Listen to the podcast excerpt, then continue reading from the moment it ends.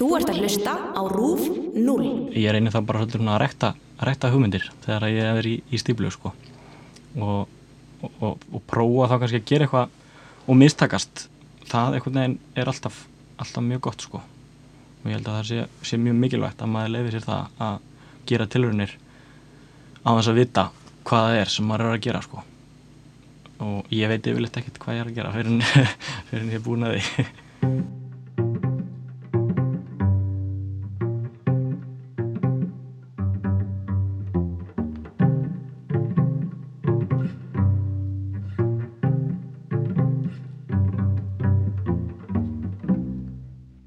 Hæ, ég heiti Hildur og þetta er Skaparinn.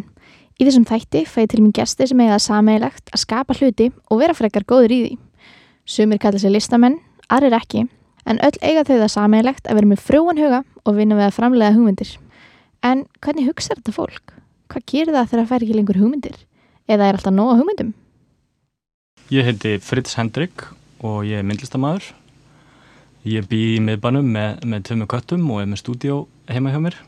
Um, ég læriði í eh, myndlist í Listaháskóla Íslands, útskrifaðist 2016 og fór svo í beinu framaldi í starfsnám til Berlínar til myndlistamannsins Egil Sæbjörnssonar og var svo heppin að fá að fylgja honum uh, til Fenja og, og klára starfsnámi mitt þar á Fenja tvíæningnum og uh, í myndlistinni minni að þá hef ég verið að vinna í eina ímsu meðla, uh, málverk, skúltúra, innsetningar og vídeoverk og, svona rauður þráður í, í mínu verkum er kannski sviðsetning svona í grófum dráttum.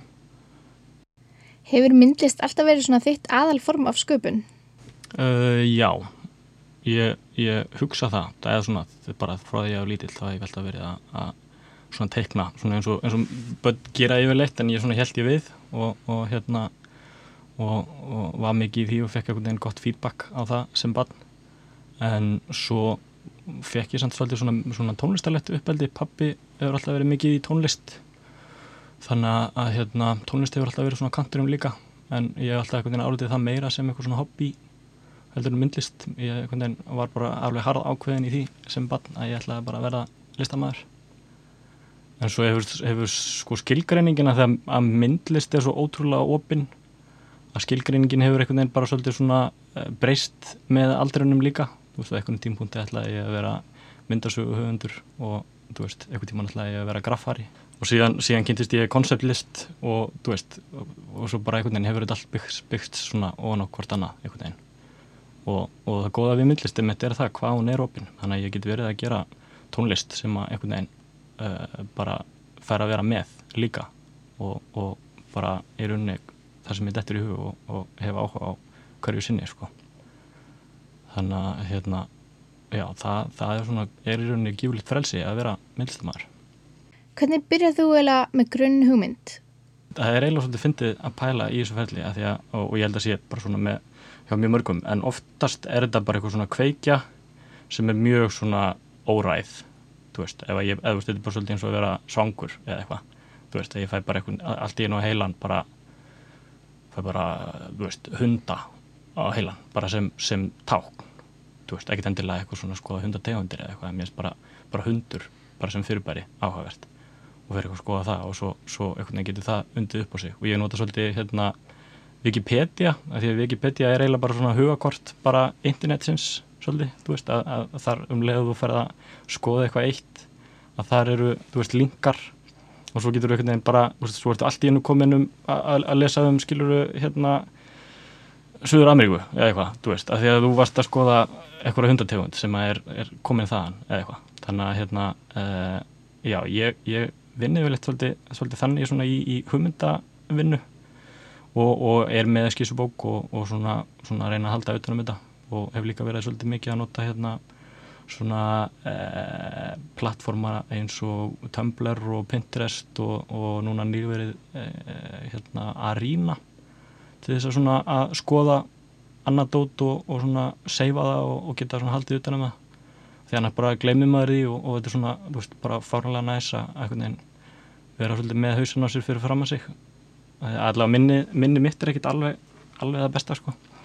Um, já, svo í rauninni hjá mér er þetta svona, svona stærsti hluti ferðlisins er, er þetta svona þessi hugmyndavinna og yfirleitt, ég, ég, ég get alveg ímynda mér að það sé svona 80% vinnunar og svo 20% útfæsla ég er svona, mér finnst mjög gott að leifa hugmyndum bara að matla mjög lengi og svo bara svona veit ég hvað ég ætla að gera og þá, þá ger ég það Hvar finnst þér best að vinna? Uh, þú veist, getur unni skapandi heimaðir? Ferða okkur stað? Uh, mér finnst, það hefur þótt bara mjög gott að einfalda bara einhvern veginn líf mitt og, og kannski gert það bara svolítið í kringum myndlistina að ég er með stúdjó heima og er í uh, hlutastarfi, 50% starfi svona til þess að borga reikningana. Uh, og þegar ég er ekki í vinnunni uh, sérst, í, í hlutastarfinu að þá, þá get ég bara verið mættur í stúdjói þegar ég vakna. Og mér finnst svolítið gott að vera bara þar sko, ég er svolítið svona stúdjókall sko. Og, og uh, það getur vissulega orðið einmannalegt svona til lengdar en þá, þá fer maður og, og hittir fólk. En, en mér finnst mjög gott að einmitt, eins og ég kom inn á þann að hanga á netinu og, og hérna og svona vesnast í efni.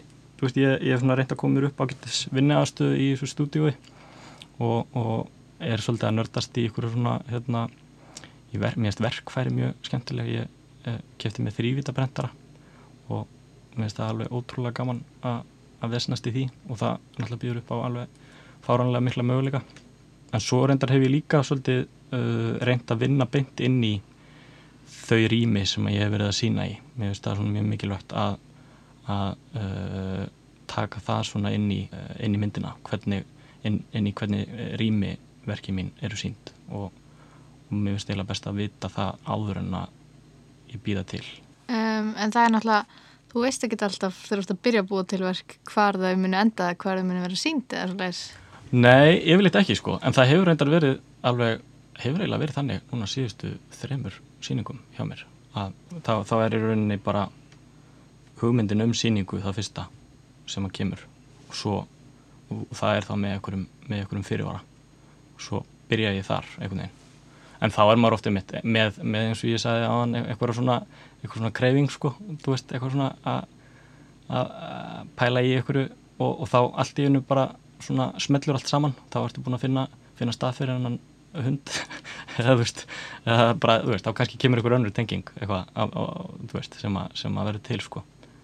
Þannig að, að það er líka mér erst svolítið gott að vinna inn í einhverjum svona uh, reglum eða svona römmum. Það hljóma rosalega svona restrictive en það, það hjálpa mér mest að, þú veist, vita svona nokkuð veginn inn í hvaða, hvaða svona ramma ég er að vinna í þá veit ég hvað ég get og hvað ég get ekki gert einhvern veginn Talandu um ramma, ertu með rútínu í sköpuninni? Þú veist, ert þú að vinna 95 eða, eða er eitthvað svona ákveðin rútínu sem þú hefur fundið sem virka vel að skapa?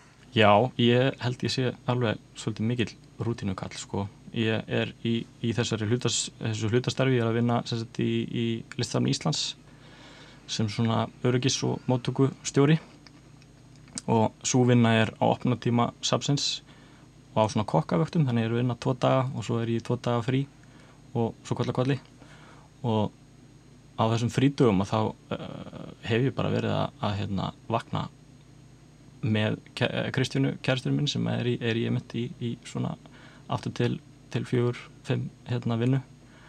Og, og ég hef reynd að vera svolítið strangu við mig að vakna alltaf á mótnana og, og, og vinna svo þanga til að, að hérna, uh, já, til svona fjögur, fimm sko.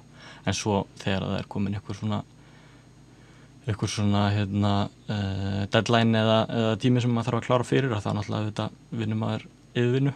En, en ég, einmitt, það var, var síning sem ég var með í, í hérna í Kling og Bang uh, þar sem að, að ég var að fjalla um svepprútínur og það eiginlega allir því að ég varði rosalega svona rútíniraður í minni vinnu að því að ég var að skoða hérna svona svefn upp þar sem að, veist, að, þegar þú ert að að, að fylgjast svona, svona grant með svefninuðinum og, og það sem ég gerði á þessari síningu var að ég, ég uh, notaði þessi, þessi línuritt sem þú færð þegar þú, þú vaknar yfir hvernig þú svart þá notaði ég línurittin til þess að að búa til eitthvað svona drauma landslög út frá línunum. Þannig að, að það var eitthvað svona já, við rumskað og þá kemur eitthvað svona eins og halgjör svona turn í, í línuritið og, og þá varð til uh, málverk sem að, sem að var eins og eitthvað svona drömkendur viti eða, eða kastalaturn út í, út í náttúrunni.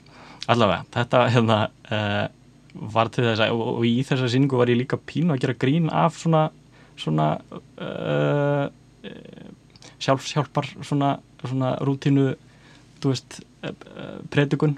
En svo enda ég bara á því að, að bara fara all in í, í svoleiðis serimóniur sko, þannig að núna tek ég svermi minn mjög alvarlega og, og reyna alltaf að sofa í, í 8 klukkutíma.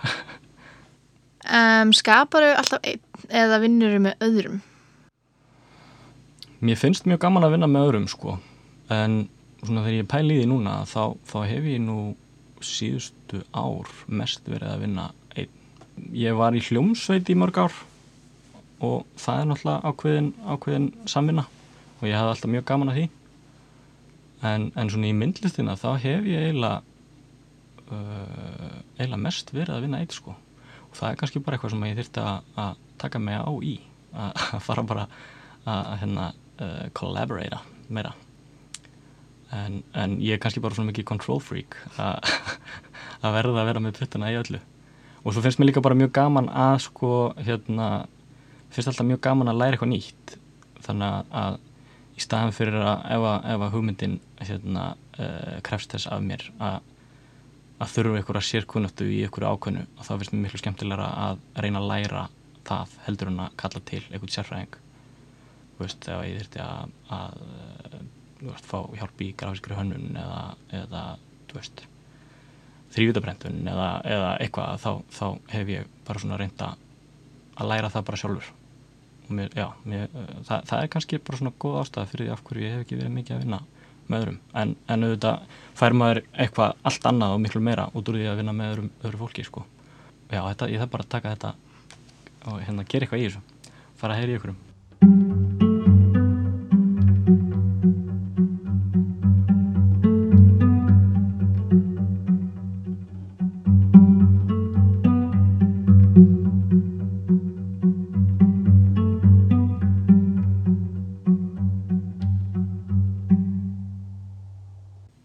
Þú færð aldrei svona tilfinningum og sért kannski bara búin með sköpunarkvotan á sért bara eða bara snúa þér að eitthvað öðru. Jú, jú, jú, ég fæ, fæ alveg oft, oft svona þá tilfinningu sko. En ma- ég er bara svona að reyni að segja sjálfur mér að það sé ekki, ekki svona uh, ekki rétt, þú veist, bara eitthvað svona tilfinning sem að, sem að er ekki, maður á ekki að taka alvarlega. En já, þá finnst mér náttúrulega bara alltaf gott að skoða skoða líka aðra list og, og, og ég reyndar fekk það er eitthvað svolítið fyndi, ég fekk eitthvað svolítið þessa tilfinningu núna fyrr í sumar og, og var búin að ákvaða það að það þýtti að ég þurfti að fara að taka mér smá sumarfrí.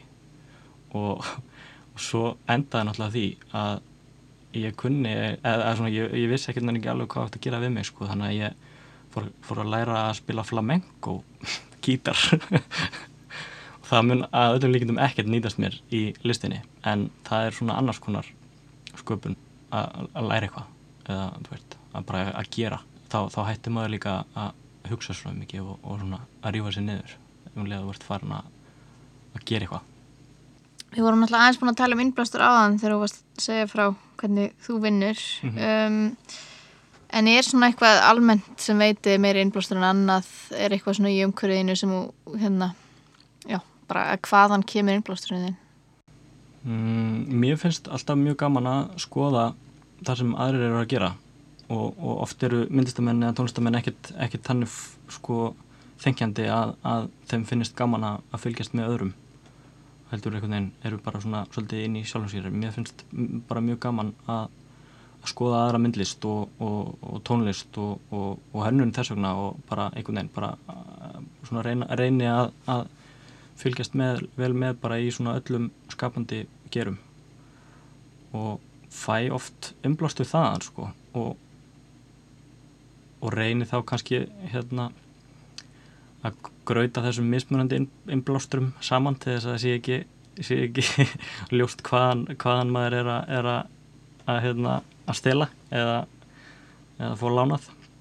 En en svo bara eins og ég sagði hann að, að svo er eitthvað svona sem að verður fyrir manni sem er bara eitthvað mjög uh, ómerkilegt eða, eða lítið og óljóst veist, sem að síðan verður til þess að, að maður hérna fer einhvern veginn að veiða hugmyndir einhvern veginn út frá, út frá því sko. Það er oft hannig líka að það er alltaf gaman að hugsa tilbaka á okkur, okkur svona ferlum að maður er kannski byrjaður að hugsa um eitthvað, eitthvað mjög spesifik og fær eitthvað eitthvað hugmynd sem maður er eitthvað alveg ógeðslega spenntið fyrir. Og svo þú veist, vinnum maður í því og svo er það bara, bara alveg glötuð hugmynd.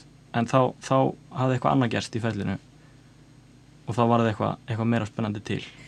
Þú gerðir heila síningu um Lost Passwords sem var í rauninni byggð á því að muni ekki eftir leikilorðunum sínum. Mannst eftir fleiri svona kannski skrítnum eða áhugaverðum hlutum sem að hafa látaði fengið hugmyndir? Uh, Já, ég man að það sem poppar upp í hausuna mig núna að einhvern tíman satt ég á klósetinu og kötturum minn var eitthvað svona vesenast hérna fyrir fram að mig. Og ég var að velta, velta fyrir mér hérna aftur fótunum á kettinum, kettinum Gretu þú veist hvernig, hvernig uh, þessir fætur eru öðru sem heldur en okkar en með í rauninni sömu mót eða þess að komur að segja, veist þau eru með nýje og þau eru með hæl en hællin er, er ekki við jörðina. Veist, hællin er einhvern veginn svona í loftinu og svo verður til eitthvað svona eitthvað flott, eitthvað svona beigja og þá fekk ég hugmynda að gera stultur uh, fyrir mannesku sem að gera þetta. Ég er rauninni bara svona framlengja uh, ristinni. Þannig að hællin sé í loftinu og, og táin finniður á jörð. Þetta var frekar svona fyndið moment. Og svo, þú veist, var þetta þetta var þessi kveikja í rauninni bara að búa þessu stullu til. Ég hafði náttúrulega ekki hugmyndum af hverju. En, en svo uh, einhvern veginn þróaðist þetta áfram og endaði á því að ég gerði hérna gjörning út í heiðmörk fyrir engan nema, nema hérna, myndavel á þrýfót að þá var ég komin í þessar stultur og búin að búa til svona eins og lambabúning. Uh, og þá var ég hérna, hérna einn út í náttúrunni uh, að leika lamp í svona góða 40 mínútur. Og með svona ekkert, ekkert voðalega góðum uh, hérna, tilþröfum ég dætt alveg svona 8-10 sem í þessu miðbandi. En já, svona einhvern veginn er mjög gaman sko, þegar, þegar, og, og þarna komur þessi hugmynd svolítið svona upp í fangjaða mér sko, sem er alltaf mjög skemmtilegt.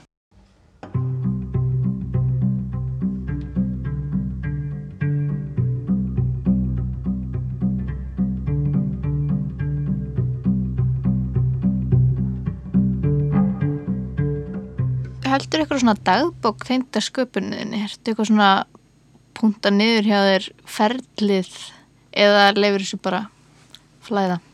Uh, nei, ég hef nú eða sko ekki, ekki jú, eða, eða, þú veist, ég er með skissubók og, og ég, er, ég reyni að nota hana bara til þess að hugsa, þannig að það er mjög mikið mitt af einhverjum svona punktum í henni sem að, sem að væri náttúrulega hægt að líta á sem dag, dagbók ferðlisins, af því að þegar að verkið er tilbúið þá náttúrulega á ég þessa punkta til þannig að jú, ég, ég held svona dagbók. Og ég er mjög ánægð með það sko. Ég fann svona þessa mjög fínu fínu bók sem, eða þetta eru mjög vinsælar skísabökur hann að mólskinn, svona litlar. En þetta er svona lítil sem þú getur sett í vasan og uh, byrjaði að nota svoleiðis bara þegar ég var í tíundabekk og hef síðan alltaf kift bara nákvæmlega sömu bókina. Þannig að heima á ég alveg sapna af svona góðum 30 samskonar bókum sem eru bara, bara þú veist, eitt skrásetning á, á, á svona ferlum sko sem er alveg gaman að skoða eftir á. En þetta er yfirleitt bara svona krass sko, eða þú veist, þetta er yfirleitt bara, bara punktar. Og svona í setjum tíð hefur þetta eiginlega allt eiginlega meira verið, verið skrif heldur en, en eitthvað svona tekningar eða eitthvað svo les Og finnst þér um, þú þurfa að skipulegja listina þína? Finnst þér þú þurfa að skipulegja hvað næsta skref er í framkvæmdini eða? Já, ég, ég held ég sé svona svolítið skipulegaður í, í minni vinnu sko. Mér finnst það bara mjög þægilegt sko og hef reynið eiginlega bara, þú veist, að, nota tól eða svona öll tól sem ég kemst yfir til þess að, að vera skipulaður í, í minni vinnu, ég veit ekki, það er svona það er útrúlega mikill léttir Vist, ég, ég held bara svona andlega að það hafi tölvist betri áhrif á mig heldur en að, að vera einhvern veginn bara í ykkur óriði og já eins og ég sagði á þann að, að ég svona held að, að, að plana og skipulegja sé, sé svona 80-90% af vinnunni hjá mér sko. Og já ég, ég er mjög spenntur fyrir því. Mér er mjög gaman að skipulegja og, og stúdíóið mitt er, er frekar skipulegt. Og það er endar kannski ágætt líka að tala um það að það ég er svolítið í, í svona reytstíplum að þá hef ég, hef ég svolítið reynd að nýta tíman í emitt að bara skipulegja stúdíuð bara taka til taka til getur verið, verið inspirerandi sko af því þá ertu að vinna. En þú veist ekki ekki, hérna, ekki að hafa ágjör að því að vera, vera með eitthvað hugmyndi að taka þú alvarlega. Þú ert bara einhvern veginn að, að svona búa til umhverfi sem að getur einhvern veginn verið næ, meira nærandi fyrir, fyrir sköpunarferðli allavega í mínu trúfelli ég, ég á miklu öðaldra með að búa eitthvað til þegar þegar svona allt er á sínum stað sko. Þegar þú ert að skapa spáur einhvern veginn í hver, hverja viðtökuna muni vera spáur í, já þetta mun ganga vel eða fólk getur tengt við þetta eða ertu bara algjörlega í þínum heimi? Ég reyni að vera í mínum heimi svona til þess að byrja með en svo, þú veist hef ég, það, ég ekkert komist hjá því í ferlinu að hugsa um það einmitt, hvernig, en kannski að, ég reyni að vera kannski ekki, ekki að hugsa um það á okkur svona persónulegum nótum, þú veist, eitthvað svona hvað þeim eftir að finna eftir mig eða eitthvað svona, þú veist, frekar uh, hvernig mun þetta byrtast einhverjum sem að veit ekki neitt að því því maður er náttúrulega bara með alls konar hugmyndir og, og, og svona uh, uh, eigin svona sín á það sem maður er að gera sem að er oft alveg bara algjör andstæði þar sem að fólk sér síðan þegar að, að þú sýnir afræksturinn. Þannig að ég hef svona reynd að nota það sem eitthvað svona leið til þess að slípa hlutin aðeins til, taka svona það út sem að skiptir einhver máli eða uh, myndi ekki skila sér veist, til áhrondans en hérna jú, maður hugsa auðvitað hugsa maður alltaf um þetta. Eða ég gerir það, ég, ég hérna en ég reyna að hunsa það að, þú veist, ég vil frekar að þetta sé það sem ég vil gera. Ég held að það sé yfirleitt svona besta, besta dótið sko, þegar að viðkomandi er bara að gera það sem honum langar, langar til að gera en ekki það sem næsta manni langar sko. Spáur ekkert mann í því hvernig svona þitt nánasta fólk eða fjölskylda mun upplifa að skilja listina þína? Uh, já, ég hugsa að ég gerir það um, og það, auðvist, það, það er svona verst klála fyrir manni sko, það er ekki eitthvað sem maður er að hugsa á hverjum degi en, en þegar maður farið með tjómyndir sem eru svona sérstaklega nærri manni þú veist, þegar maður er á okkur svona persónlegum nótum að þá, þá held ég að það sé alltaf svolítið, svolítið trikki sko og veist, þá er einmitt pæling sko hvort þú getur verið 100% þú sjálfur á meðan að fóröldarðinir eru, eru á kanterum en svo held ég að það sé bara svolítið í höstum á manni sko. ég held að, að, held að upplöfun fóröldarmann sé, sé önnur en, en hérna já, maður ætti kannski ekki að vera að pæli því en ég, ég er alveg vissum að þetta er eitthvað sem allir, allir hugsa. Mælur með einhverjum bókum eða podcastum eða þáttum eða eitthvað sem að hafa veittir innblástur eða? Ég uh, myndi bara mæla með því að skoða allt sem, sem hefur verið uh, veist gert um eða, eða viðtöl við listamenn sem maður lítur upp til eða, það er alltaf svolítið góð, góð leið sko þegar að, að það er viðtal við eitthvað sem maður lítur upp til sem að tala um það sem hann lítur upp til og þá er þú komið með annan sem getur mögulega að hafa þetta til þín og svo kolla kolli. Þá ertu komið með eitthvað svona ættatrið af því, þeim innblæstri sem að, sem að viðkomandi sem að þú lítur upp til uh, í rauninni kynir fyrir þér. Getur þú svona einhvern veginn nefnt kannski einhver nöfn sem þú lítur upp til eða, eða svona sem að hafa veittir innblástur í gegn tíðina? Um, Ég lítur rosalega upp til kvikmyndagerðamanna trátt fyrir að gera ekki kvikmyndir. Og kvikmyndagerðamenn eins og uh, sænskur leikstöru sem heitir Rói Andersson og þá er ég líka að minnast á Wes Andersson því að mér finnst hann líka mjög skemmtilegur og hann höfðaði líka til mín bara þegar ég var svo lítill að að, að svona hann hefur alveg, alveg staðist tímanstönn að því oft náttúrulega breytast áhrifavaldar með tímanum. Eitthvað sem að mér þótti gaman þegar ég var yngri finnst mér kannski bara úkslega halló í dag. En hérna uh, já, David Lynch og David Cronenberg. Núna, núna endur tekið bara nöfnin. Ég sama. David uh, Anderson Thomas, Phil Thomas Anderson uh, hann er líka mjög skemmtilegur. Ertu með einhver ráð fyrir fólk í myndlist eða bara skapandi fólk yfir höfuð? uh, mér finnst mér, mér finnst sko það er, það er alveg algjör klísja alveg bara svona super klísja en, en hérna fake it till you make it er alltaf, alltaf solid sko af því að, að veist það er alltaf þessi svona samviska sko sem er að segja þér að þú sérst ekki nógu góður eða, eða geti þetta ekki eða, eða hitt en, en, en ef þú sittur það bara upp eins og lítið leikrit þá þá ferðu smátt og smátt að trúa því sko.